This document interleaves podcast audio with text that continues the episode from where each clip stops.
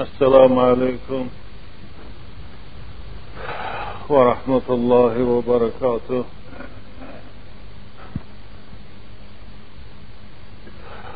مهمانای خانه خدا و عاشقان مدرسه محمدی صلی الله علیه و سلم. همه شما را با این روز مبارک روز بندگی روز عبادت پروردگار که بهترین روزهای هفته است و روز جمعه در پیشگاه خدا از روز عید رمضان و قربان هم افضلتر است تبریک و تهنیت می‌گویم. و عاجزان دعا می‌کنم پروردگار قدم های رنج فرمودی شما را حسنات نویسد. و در این هوای سرد و خنک با این سختی ها مشقت ها نگاه نکرده از راه های دور برای عبادت و برای شنیدنی سخنهای خدا و پیغمبر بزرگوار او و تاریخ بندگان صالح او اینجا آمده اجری جزیل نصیبتان گرداند. خدایا این جسدهای ضعیف و ناتوانی این عاشقان مدرسه محمدی را بر آتشی سوزان دوزخت حرام گردان. آمین. یا رب العالمین. الحمد لله رب العالمين وأشهد أن لا إله إلا الله ولي الصالحين. وأشهد أن سيدنا وحبيبنا وعظيمنا محمدا رسول الله خاتم الأنبياء والمرسلين. وعلى آله وأصحابه أجمعين. ربنا عليك توكلنا وإليك أنبنا وإليك المصير. ربنا لا تجعلنا فتنة للقوم الظالمين ونجنا برحمتك من القوم الكافرين. وانصرنا على القوم الفاسقين. پروردگارا در این دنیا فقط بر تو توکل کردیم و از همه رو به سوی تا آوردیم و می‌دانیم که بازگشتی همی خلق به سوی توست. بارا الها ما را مایی فتنه و امتحان کافران مگردان. و از شر و مکر آنها در پناه خود نگه دار. و به لطف و کرم خیش گناهان ما را بیاموز و بعد از مردن خدایا، ما را با همراهی بندگان صالح و نیک خود یک جای محشور بگردان و داخل جنتی جاودان گردان آمین. آمین.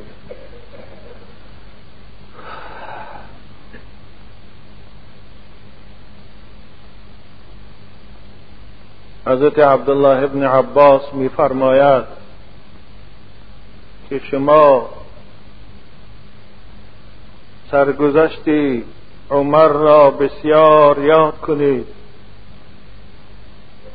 و ایام خلافت عمر را در مجلس ها بیان کنید زیرا که یاد عمر زیرا که یاد ایام خلافت عمر این عدل است این عدالت است. این غمگساری است. و هر وقتی که شما عدالت را یاد می‌کنید خدا را یاد می‌کنید.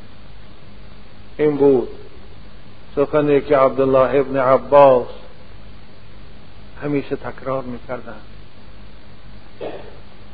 در دو جمعه گذشته با شما درباره تاریخ این یار دوم پیغمبر بزرگوار صحبتی داشتیم. و البته اگر ما تمام جمعه های سال فقط و فقط درباره تاریخ عمر و ایام خلافت او و عدالت او صرف کنیم هم. سرگذشت این صحابه بزرگ پیغمبر بزرگوار تمام شوی ندارد. اما امروز من با شما عزیزان لحظه های آخرین حیات این صحابه بزرگ و شهادت جمگداز ایشان را که از دست یکی از آتش پرستا جام شهادت را نوشیدن. بیان می‌کنم.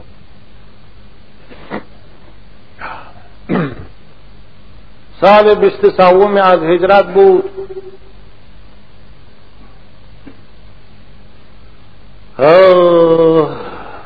انفتر روزی سه شنبه بود یا چهارشنبه بود. خدا می‌داند.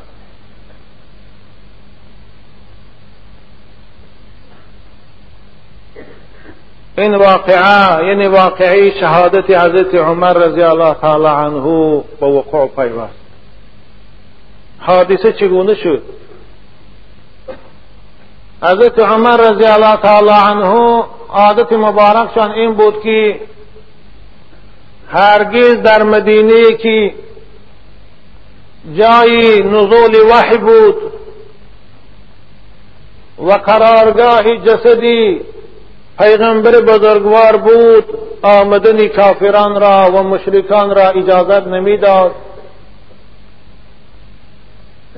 این مشرک ها را و کافران را در مدینه استقامت کردن رخصت نمی‌داد.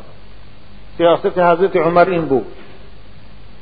این این شهر ماننده که پروردگار مکه را برای مشرکا حرام گردانیده بود. مدینه را پیغمبر بزرگوار که جایی دفنشان بود حضرت عمر برای کافرا حرام گردانده بود. اجازت نمی‌داد لیکن قضای الهی که رفته باشد چاره نیست. حضرت مغیره ابن شعبه می‌گوید از کوفه مکتوب روان کرد. و از حضرت عمر درخواست کردند که در کوفه یک غلام من دارم. خیلی استایی خوبه هست و هم آهنگر است و هم استای چوب است و هم آسیاب سازکن است. یعنی خیلی هنرهایی دارد. اگر حضرت اجازت تیان ایشان من به مدینه روان کنم تا اینکه در مدینه برای مسلمان ها و برای اهل اسلام خدمت کنند. حضرت عمر وقتی که این صحابه پیغمبر خدا مغیره خیلی آدمی با آبرو بود این خواهش کردن حضرت عمر که عدالتشان همه جا را فرا گرفته بود هیچ خوفی هم نداشتن آمدن این استار به مدینه رخصت داد. از من توجه کنید. به امید که این بدبخت برای اسلام و مسلمان ها خدمت می‌کنند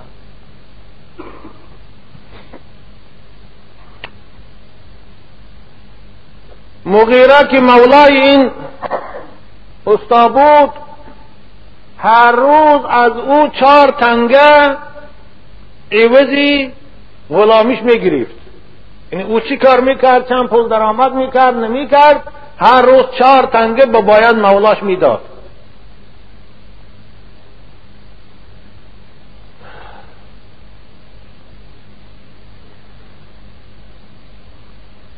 نام این استای بدبخت ابو لولو بود یعنی کنیتش نامش فیروز بود. فیروز. کنیتش ابو لولو بود. یک روز حضرت عمر رضی الله تعالی عنه از مسجد برآمده ایستاده بودند. در راه از پیش برآمد ابو لولو. به حضرت عمر سلام کرد بعد از سلام گفت یا امیر المومنین همین مولای من مغیره بسیار بالای من ده جبر کرد ایستاده است. یعنی حقی زیادی از من طلب دارد. هر روز چهار تنگه شما همون گوید همین حقی من سبکتر کند یعنی هر روز چهار تنگه کمتر کند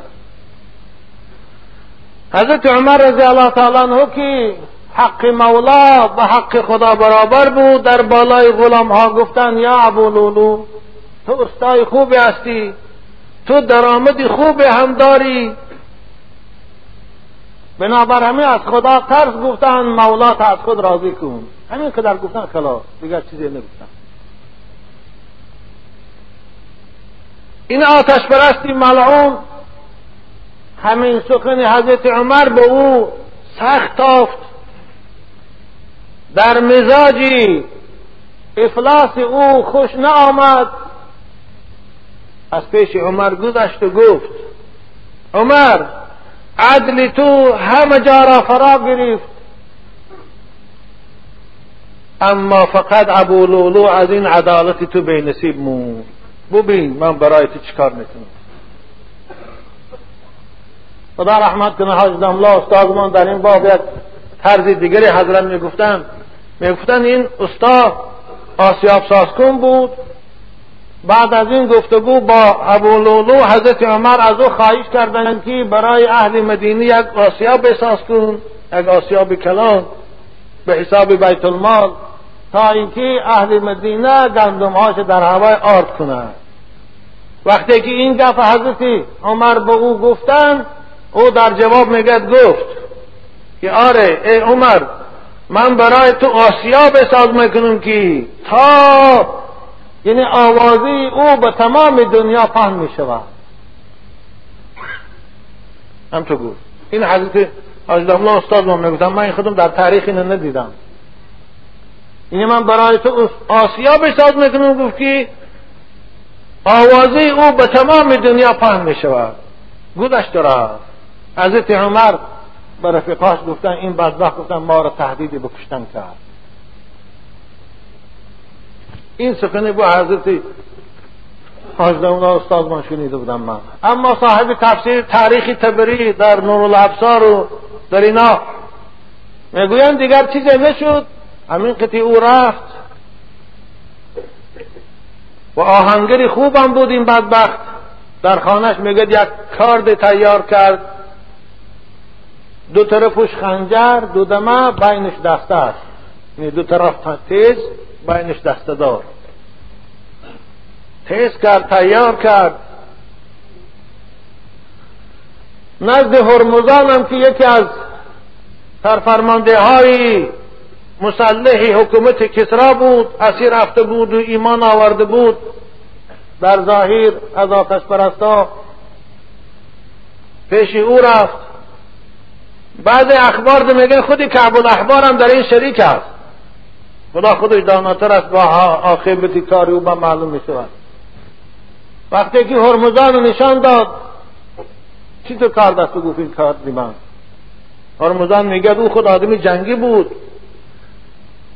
دید گفت ابو لولو به این کار هر کسی که اگر زنی او حلاک می شود اما صاحب تاریخ تبری آشکارا نگفت است که او در اونجا اقرار شد که من به این خنجر عمر کشتنی هستم اینو نگفت.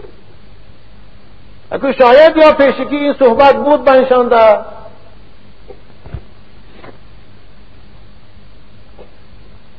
سه روز پیش از واقعه کعب الاخبار پیش حضرت عمر آمد. امام تبری هم در تاریخش روایت می‌کند.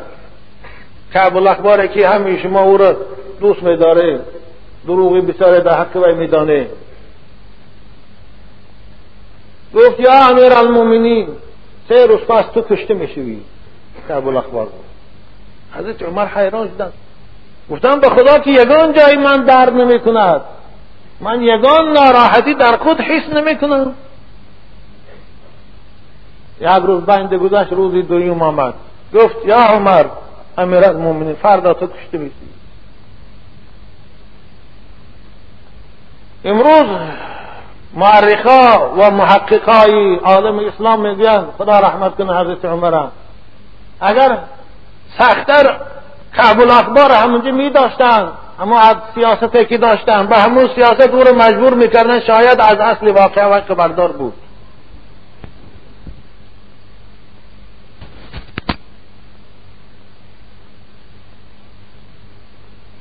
داشتن. حتی نپرسیدن که اخبار که تو از کجا این گپ می‌گویی؟ هیچ محل در تورات این گپ نبود. تورات به خدا نمی‌گوید که عمر فلانی می‌کشد این دروغ است شاید از این نقشه پیشکی او خبردار بود. یا خبردار نبود که خدا مغفرتشون کنه. کعب الاخبار. خب. اصل کعب الاخبار یکی از علمای یهودی بود که اسلام آورده بود در زمان حضرت عمر رضی الله تعالی عنه. و صحابه نیست. و حضرت رسول اکرم دیدگی نیست. اگرچه عمر طولانی داشت اما رسول اکرم به خدا رو مشرف نکرد که بینه. خب عالم بود تاریخدان بود افسانگو بود خدا رحمتش کنه. شاید این گفای من در نظری بعضی ها سخت ای دیگر نمیگم سهری چهارشنبه بود حضرت عمر رضی الله تعالی عنه عادت مقرره که بامداد مسجد قرار آمدن صفها را راست می‌کردند آدم مونده بودن هر سفر راست می‌کردن تغری که می‌شد بعد از آن محراب میستادن و شروعی در نماز می‌کردن اما این سگی لعین ابو لولو خودش در صف اول در پهلوی حضرت عمر جایگیر کرده بود. البته زمان رسول اکرم مسجدش این تو چراغای روشن نداشت تاریک بود نماز بامداد بود. حضرت عمر رضی الله تعالی عنه صفها راست شد گویان محراب راست استاده بودند که سه ضربه نامردانه در اشکم حضرت عمر پاره کرد شیخ بارزه معرخه میگه همون ضربه آخری نکی از زیر ناف پایان آمد تا پایان چاک کرد. هوای بسیار جانگداز بود قتال بود. روده ها رو پاره کرده بود. الله. این سحری چهارشنبه بود در نماز بامداد روز بیست سوم زلحجه بود یعنی ماه آینده. سال بیست سوم از هجرت وقتی که حضرت عمر ناگهان ضربی خنجری زهرالود حس کردند همین قدر صداشان بلند شد جایی که الله اکبر گویند فست و رب الکعبه گفتند. قسم به خدا گفتن که به شهادت رسیدن همین گفتن گفتن افم ناس عبدالرحمن ابن عوف؟ در بین شما گفتن عبدالرحمن ابن عوف هست؟ حضرت عبدالرحمن ابن عوف آواز برآوردن گفتن نعم یا رسول الله یا امیر المؤمنین من اینجا گفتن فل یتقدم فل بالناس پیش درا گفتن نماز مردم خانده ببینید در همه حالتی که روده هاشان به زمین ریخت. در محراب افتیدن. یگان درباری. تلاتوب یا نماز و ایران کردن گپی نرفت پیش درا گفتن نماز خان حضرت عبدالرحمن ابن عوف پیش در آمدند. با سوره های کوتاه نماز تمام کردند. حضرت عمر یک پهلو دیگه بودند. این ملعون ابو لولو در اون تاریکی از فرصت استفاده بود هفت نفری دیگر هم با این خنجری دو دمش مجروح کرد. از بین اونها سه تاش بعد روایت شش تاش با شهید شد. حضرت عمر تفی از جایی یک تاش زنده بود تاریک بود. بنابر کدام از صحابه در بالاش بعد نمد پرتافت سگی نمد که افتید. او لعین. آتش برست ملعون. دید که اکنون دستگیر شد. بسانی به همون خنجرش بخوشم کش خب. نماز تمام کردن. حضرت عمر رضی الله تعالی عنه رو بالای دستا گرفتن و به خانهشان آوردن. دیدن که این جراحت جراحتی توابت مشدگیش نیست. چیزی که آب می‌دادن یا شیر می‌دادن میبرامد از اشکمشان میره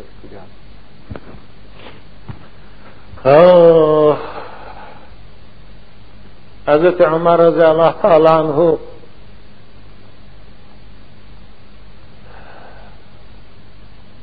وقتی که در بالای کرپی مرگ بودند پسرشان عبدالله را فریاد کردند. گفتم یا عبدالله عبدالله آمد. سرشان بالش بود. گفتن یا عبدالله ارفع راسی عن المسادة وضعه على الأرض. عسى الله أن ينظر إلي ورأسي إلى الأرض فيرحمني. عبدالله گفتم سر من از بالش گیر بالای زمینی بمون.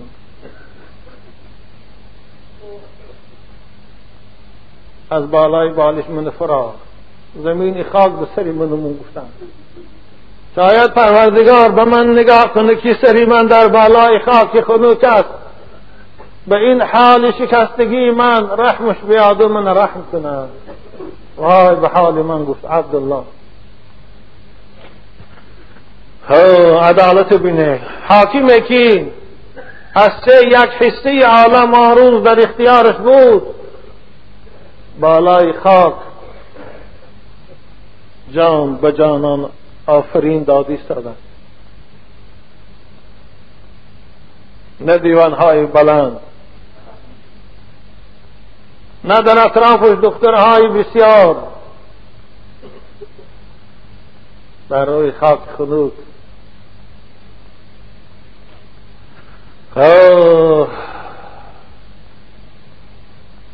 عمر کی بود؟ عمر شخصی بود که رسول اکرم صلی الله علیه و سلم در حدیث صحیح که بزار روایت میکند گفتن عمر و سراج و اهل الجنه عمر چراغ اهل جنت عمر شخص بود که رسول اکرم گفتن جانی جبریل و قال لی یا رسول الله لیبکین الاسلام على موت عمر۔ جبرئیل امین آمدن گفتن ای پیغمبر خدا روز میشه که اسلام برای مرگ عمر گریه می‌کنه عمر کی بود؟ عمر شخصی بود که رسول اکرم وقتی که برای عمر زیارت می‌رفت عمر گفتم یا عمر یا اخی لا تنسنا فی دعایک الخیر. رواه احمد. ای عمر گفتم من در دعاهات فراموش نکن. عمر کی بود؟ رسول اکرم یک روز در بالای کوه احود استاده بودند. همراهشان ابو بکر بود عمر بود عثمان بود. ناگاه زمین لرزی کوه در جنبش در آمد کوه احود که اکثر حاجی وی دیدیان. پیغمبر خدا گفتند اثبت یا احد فان فوقك نبیا و صدیقا. و شهیدین ای احد آرام باش. آرام شو گفتن که در بالای تو یک پیغمبر بزرگوار ایستادن در بالای تو صدیق این امت ایستاده در بالای تو دو شهدای رای خدا ایستاده یکی شهید محراب عمر یکی شهید خانه. حضرت عثمان ابن عفان. آرام شو گفتن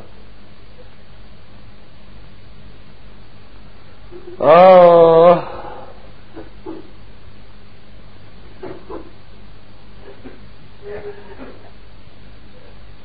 رسول اکرم گفتند هر پیغمبر دو وزیر از اهلی آسمان دارد و دو وزیر از اهل زمین و وزیرای من از اهل زمین ابو بکر و عمر است. ابو بکر و عمر بمنزلت السمع والبصر ابو بکر و عمر برای من به مانند گوش و چشم من گفتند.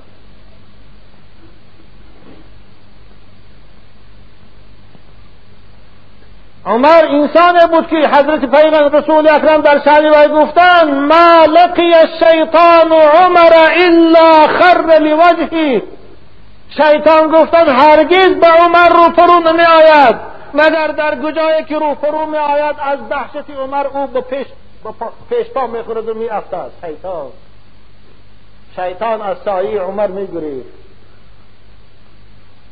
عمر انسان بود که خدا حق هم در دلش هم در زبانش جاری کرده بود. این سخنهایی است که رسول اکرم در شأن عمر گفتند.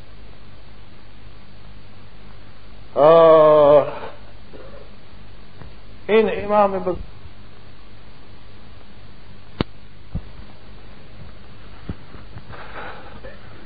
حضرت عمر رضی الله تعالی عنه چند وصیتی کردند. این در اسم الوفا هم هست. که طالب علمای عزیز از او خبر دارند. و چندی او خیلی برای هر کدام ما و شما درس عبرت است می‌خواهم در اینجا بیان سازم. عبدالله رفیشان فریاد کردن و گفتن یا عبدالله! تا به دیده هاشان میریخت. اغمز عینیا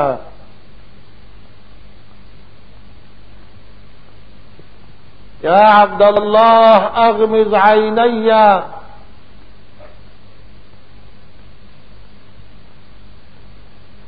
عبداللہ چشمائی منفوش. چشمای من پوش حین تسعد روحی إلى خالقها. وقتی که روحی من میبراد به سوی پروردگار چشمای من کشاده میموند. چشمای من پوش گفتم. حضرت عبدالله بچهشان بود؟ با چه گفتم؟ یا عبدالله وجه وجهی وجهنی إلى القبلة. روی من به سوی کن گفتن در وقت سکرات بنابراین هم سنت هست روی من در وقت سکرات به سوی قبله گردان. و همان قبله یکی. عمر به سوی او در حیاتش عبادت می‌کرد در لحظه های آخر حیاتم. رو به سوی او باید. جان خود به جان آفرین سپارد یا عبدالله! حضرت عمر با بچشان وسیعت کردن. اقصد. فی کفنی کفنی من گفتم بچم میانه کن. امیر المومنین از پادشاه روی زمین از گویان کفنهای قیمت بها و دبدبناک نکن. اقصد فی کفنی. وكفني في ثياب بيض من غير إسراف ولا تبذير ہم اس كفان. في سنة رسول خلاص ہم اس سے کفا منا. أزو زائد نکون لباسائی قیمت بہا نکون فَإِن يَكُن لِّي عِندَ اللَّهِ خَيْرٌ. أَبْدَنِي أَبْدَلَنِي اللَّهُ. ثیابا من سندس و استبرق بچم گفتن اگر من در پیشگاه خدا قدر داشته باشم اگر من در پیشگاه خدا به ایمان رفت مشرف شده باشم خدا این لباس ها را از من بدل به لباس های بهشتی می‌کند. الان در قبر می سیخ بستان بسن. عمر عمر کی؟ رسول اکرم در حق من گفتم تو در جنتی یکی از ده یار بهشتی است خوف او رو ببین. در حالت مرگ. فاین کان لی عند الله غیر ذلك اما من در پیشگاه خدا اگر به سعادت باشه خدا فنا طلب عنی هذه الثياب در قبر این لباس ها از من کشیده میشه. یا عبدالله اقصد فی قبری. قبر من هم میانه کن. ولا توسع فی قبری قبر من وسع و فراخ نکن. برای چی؟ برای که این کان لی عند الله خیر. اگر من در پیشگاه خدا به ایمان و مقبول شده باشد عملهای صالحی من خدا منو به بندگیش اگر قبول کرده باشد. وسع الله قبری و جعله روزة من ریاض الجنة. خدا قبری من کشاف میکند و قبری من باغی از باغ جنت میکند. و این کان لی عند الله غیر ذلك اما اگر خدا من به بندگیش قبول نکرده باشد وای به حال من. زیقه الله علیه. خدا این قبر کشادی تو کندگیر برای من اختلف بعضها ببعضی حالا من تصور دارم که اگر خدا من به بندگیش قبول نکرده باشد قبر چگونه من مجقد که استخوانهای من به دیگر میشستم آه إن للقبر ضغطة لو نجا منها أحد لنجا منه سعد بن معاذ. آره عزیزان من قبر جقشی داره اگر از جقشی قبر کسی خلاصی میافت سعد بن معاذ خلاص میافت رسول اکرم فرمودن.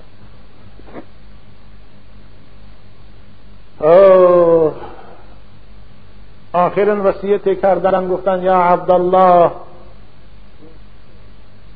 لا تخرج خلف جنازتی امرأة ولا نائحه بچم گفتن زنهار بعد از آنکه جسدی من از خانه بیرون میبراره مبادا از کفای من کدام زن تا قبرستان رود مبادا از کفای من کدام زن نوحگری کرده داد و فریاد کرده از خانه براید. اگر این کار کنی من از تو راضی نیست عزیزان من شنیده؟ حضرت عمر رضی الله تعالی به ما شما چی؟ این نمونه این درس است این نصیحت است. ما باید از کفای تابوتامون نمونه زنها بیرون براین کوشده گریه کنی. اما هیچ کدام شما در این باب پروایی نداره.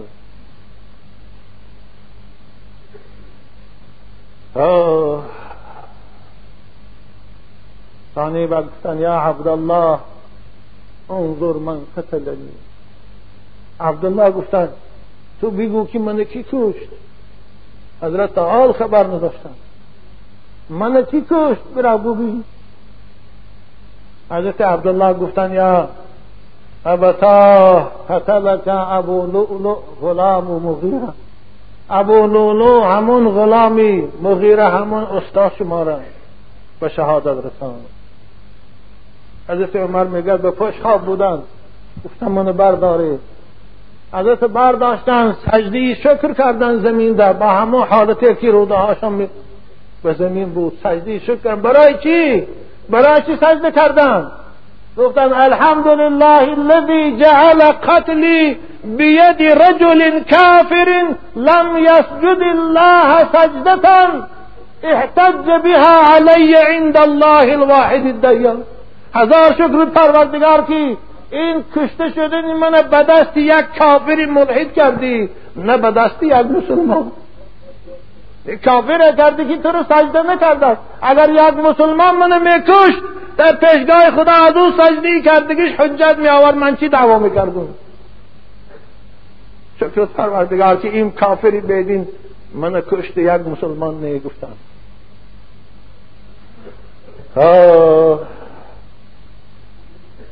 آخران وصیت کی؟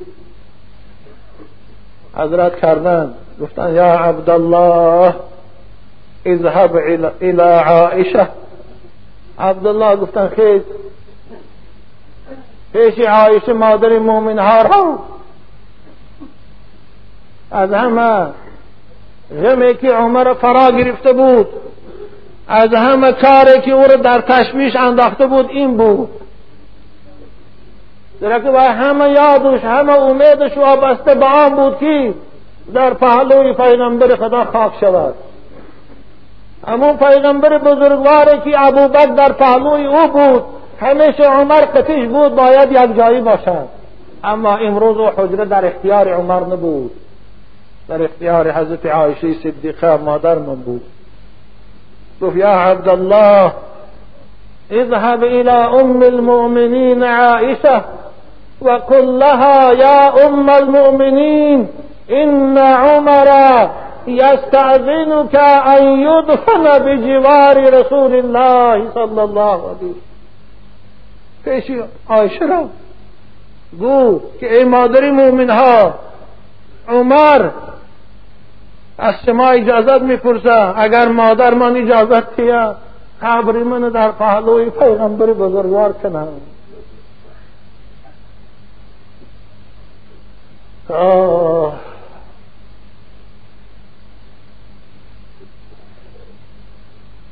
حضرت عبدالله خیستان رفتن. تمام مدینه در ماتم بود. حضرت عایشه مادر در حجرشان گریه کرده نشسته بودند عبدالله اجازت پرسیدند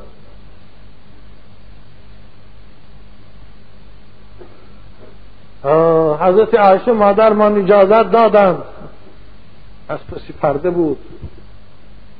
گفتند یا مادر مؤمن ها عمر در حالتی آخرین حیات خود یک خواهشی از شما دارد. خواهش ایشان این است که اگر مادر من اجازت تیند اگر راضی باشند من در پهلوی پیغمبر خدا در همو حجره دفن کنند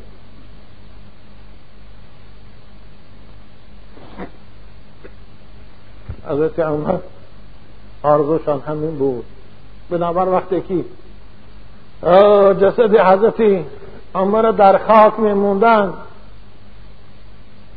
حضرت علی رضی الله تعالی عنہ آمدن دیدن جسدشان که در لحد در آورد استادیان گفتن خدا رحمت کنه تو عمر گفتن.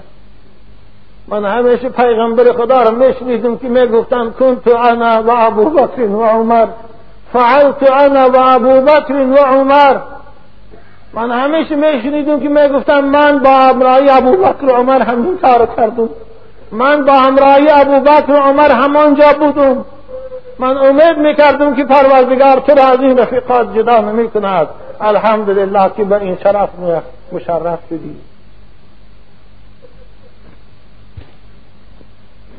حضرت عایشه مادرمان چی گفت؟ شاید این این لحظه هایی که بود که برای عمر از همه چی قیمتتر بود. برای عمر خیلی نگران کننده بود که چی جواب از مادر من حضرت عایشه میشنود. حضرت عایشه مادر من چی گفتن لقد كنت اود ان ادفن في هذا المكان في جنب زوج رسول الله و ابی ابی بکر صدیق حضرت عایشه گریه گفتن من بسیار دوست می داشتم آرزوم همین بود که در همین حجره در پهلوی شوهرم رسول خدا و در پهلوی پدرم حضرت ابوبکر خودم دفن می‌شد اما اليوم فقد طلب مني هذا المكان امير المؤمنين وانا افضل امير المؤمنين على نفسي اما امروز که اینجا را از من عمر طلب دارد گفتن امیر مومن ها من این آرزوی عمر از خودم بالا می‌دانم. من راضی هستم گفتم. بیار عمر در همینجا دفن کنید حاجی ما من این سال موسم حجم نزدیک رفتد در حجره رسول اکرم در پنجره اول به پیغمبر بزرگوار سلام می‌کنن. یک قدر مستر بر حضرت ابوبکر سلام می‌کنن. یک قدر پایانتر به حضرت عمر سلام می‌کنم.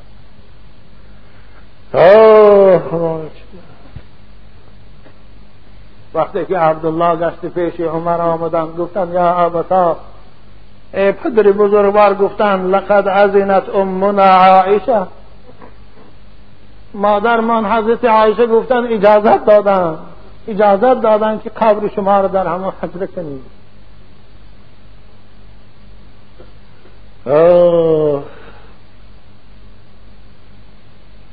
حضرت عمر گفتن بچم گفتن عبدالله بعد از آن که روح من از بدن جدا می شود یک بار دیگر با پرس گفتن. یک بار دیگر باز رفته حضرت عایشه رو پرس گفتن. مبادا در حیاتی من از من شرم داشته راضی شده باشم. بعد از مرگی من ثانی از قولش گردد یک بار دیگر پرس. برای دو متر زمین. برای دو متر زمین گردن کجی امیر مومنا را بین. برای دو متر زمین التماس و نگرانی حضرت عمر بین. که یکی دنیا در اختیارش بود. از حیبت ایشان پادشاه های دنیا در لرزه بودند. دو متر زمین چند بار التماس کردند.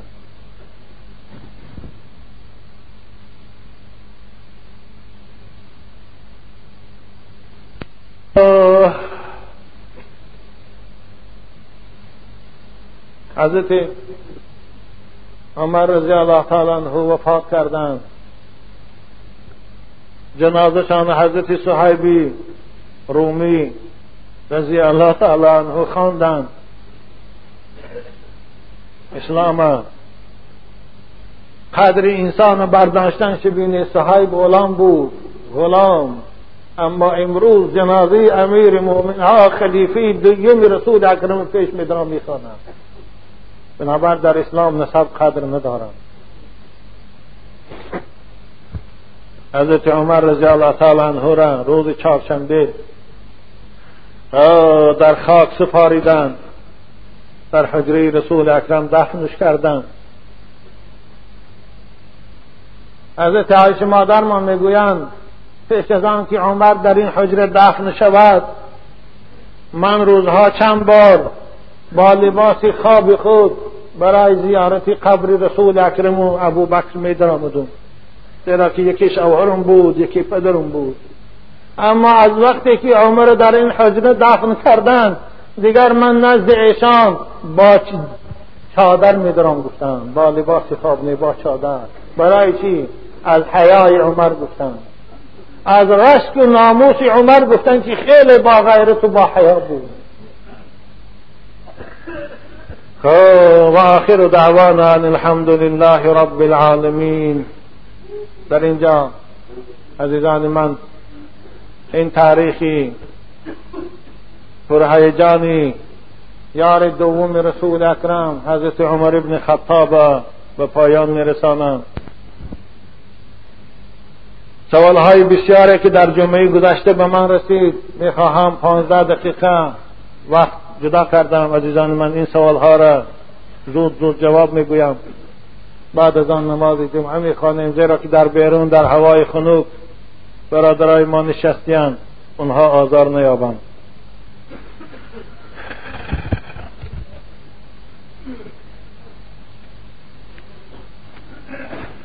السلام علیکم. بابای ایشان نورالدین جان من از شما خواهش و التماس می‌کنم به سوالی به نهایت ضروری من انیق جواب دهید. سوال ما همین است که خرگوش خانگی و دشتی حلال است یا حرام؟ همین را در بین مردم گویید. خرگوش حلال است. خواه خانگی خواه دشتی هر دوشم حلال است. خود در کتاب این در مختصر هم هست و حلل اقعق و الارنب معها این ارنبوش همین خرگوش است.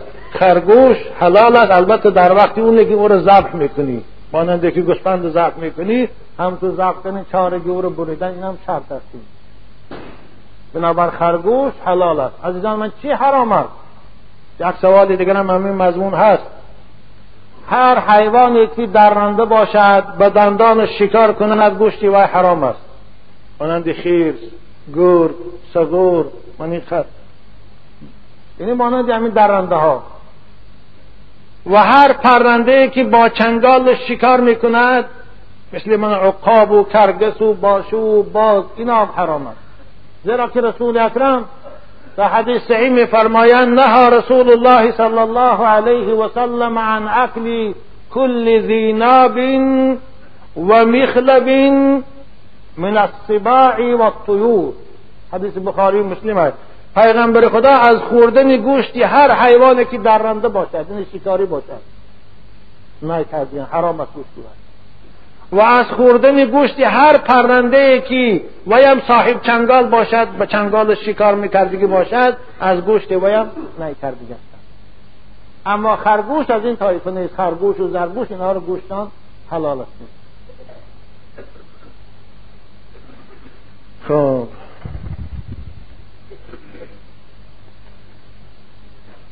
السلام علیکم حضرت. ما هر روز بعد از نمازی بامداد در یک گوشی مسجد ایستاده با یکدیگر سلام می‌کنیم. بعدا ملا امام دعای کرده پراکنده میشینیم. وقتهای آخر آدمهای ملاهای پیدا شدند که گویا سلام ما را درست نباشد می‌گوید. ولی آنها یگان دلیل آورده نمی‌توانند. ما که ملاهای خودمان را احترام می‌کنیم به ایشان باوری نداریم. یعنی به اون ملاهای همین را شما تعیین کنید که سلام کردن بعد از نماز درست است یا نه. البته عزیزان من سوال کردن سلام کردن این مصافحه کردن این سنت اسلام است. صحابای رسول اکرم وقتی که از سفر می آمدن به یکدیگر سلام می کردن دستای یکدیگر گرفته از یکدیگر احوال پرسی می کردن این مصافحه سنت است. اما مصافحه که بعدی هر نماز در مسجد می‌کنیم این چی؟ البته اگر بعدی هر نماز باشد این بدعت است در زمان رسول اکرم نبود. این بعد پیشین بعد عصر بعد شام هر نماز سلام. لیکن اگر یک روز یک بار باشد مثلا بعد از نمازی بامداد به دیگر واخری می‌کنیم برایند. صاحب عبدالمختارم برای اون که من سخنم اعتمادناک شود این مسئله رو نوشته آوردم گوش اندازتان. حضرت المختار است از کتاب کراهیت اعلم ان المصافحه مستحبه عند كل لقاء.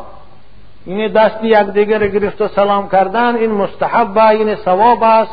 و از وقتی که با برادر مسلمان وا می‌خوریم اما ما اعتاده الناس من المصافحه بعد صلاه الصبح والعصر فلا اصل له في الشرع.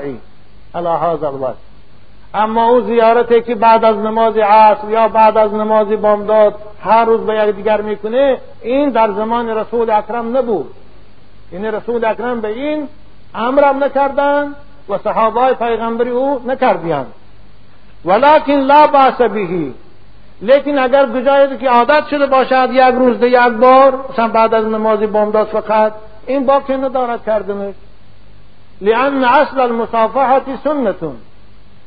وكونهم حافظوا عليها في بعض الأحوال وفرتوا كثيرا من الأحوال لا يخرجه عن كونه من المصافحة التي ورد الشرع بها. اکنون بعض ایجاد بسیار عادت شده از بعدی هر نماز می‌کنند. بعض ایجاد یا هفته یه بار می‌کنند به هر حال این از سنت بودنش خارج نمی‌کنند کدی مصافحت سنت است؟ بنابر هر هفته یک بار. یا الله اقل هر روز یک بار. به یکدیگر سلام کنن از احوال یکدیگر پرسن باقی ندارد کذا فی رساله الشیرین بلانیو خب باز و نقل مثله عن شمس الحانوتی و انه افتا به مستدلا بعموم النص الواردة فی مشروعیت هذا در یعنی مولانا عبدالحیان در مجموعت الفتاواش این مجموعت الفتاوایی که در حواشی خلاصه است این نه. مجموعت الفتاوا این مکمل است از سه جیل. در همون مجموعت الفتاواش هم از امام النووی نقل می‌کند اون کسان بعد از نماز یک روز یک بار مسافر کردن باقی ندارد گفت یا ضرر ندارد.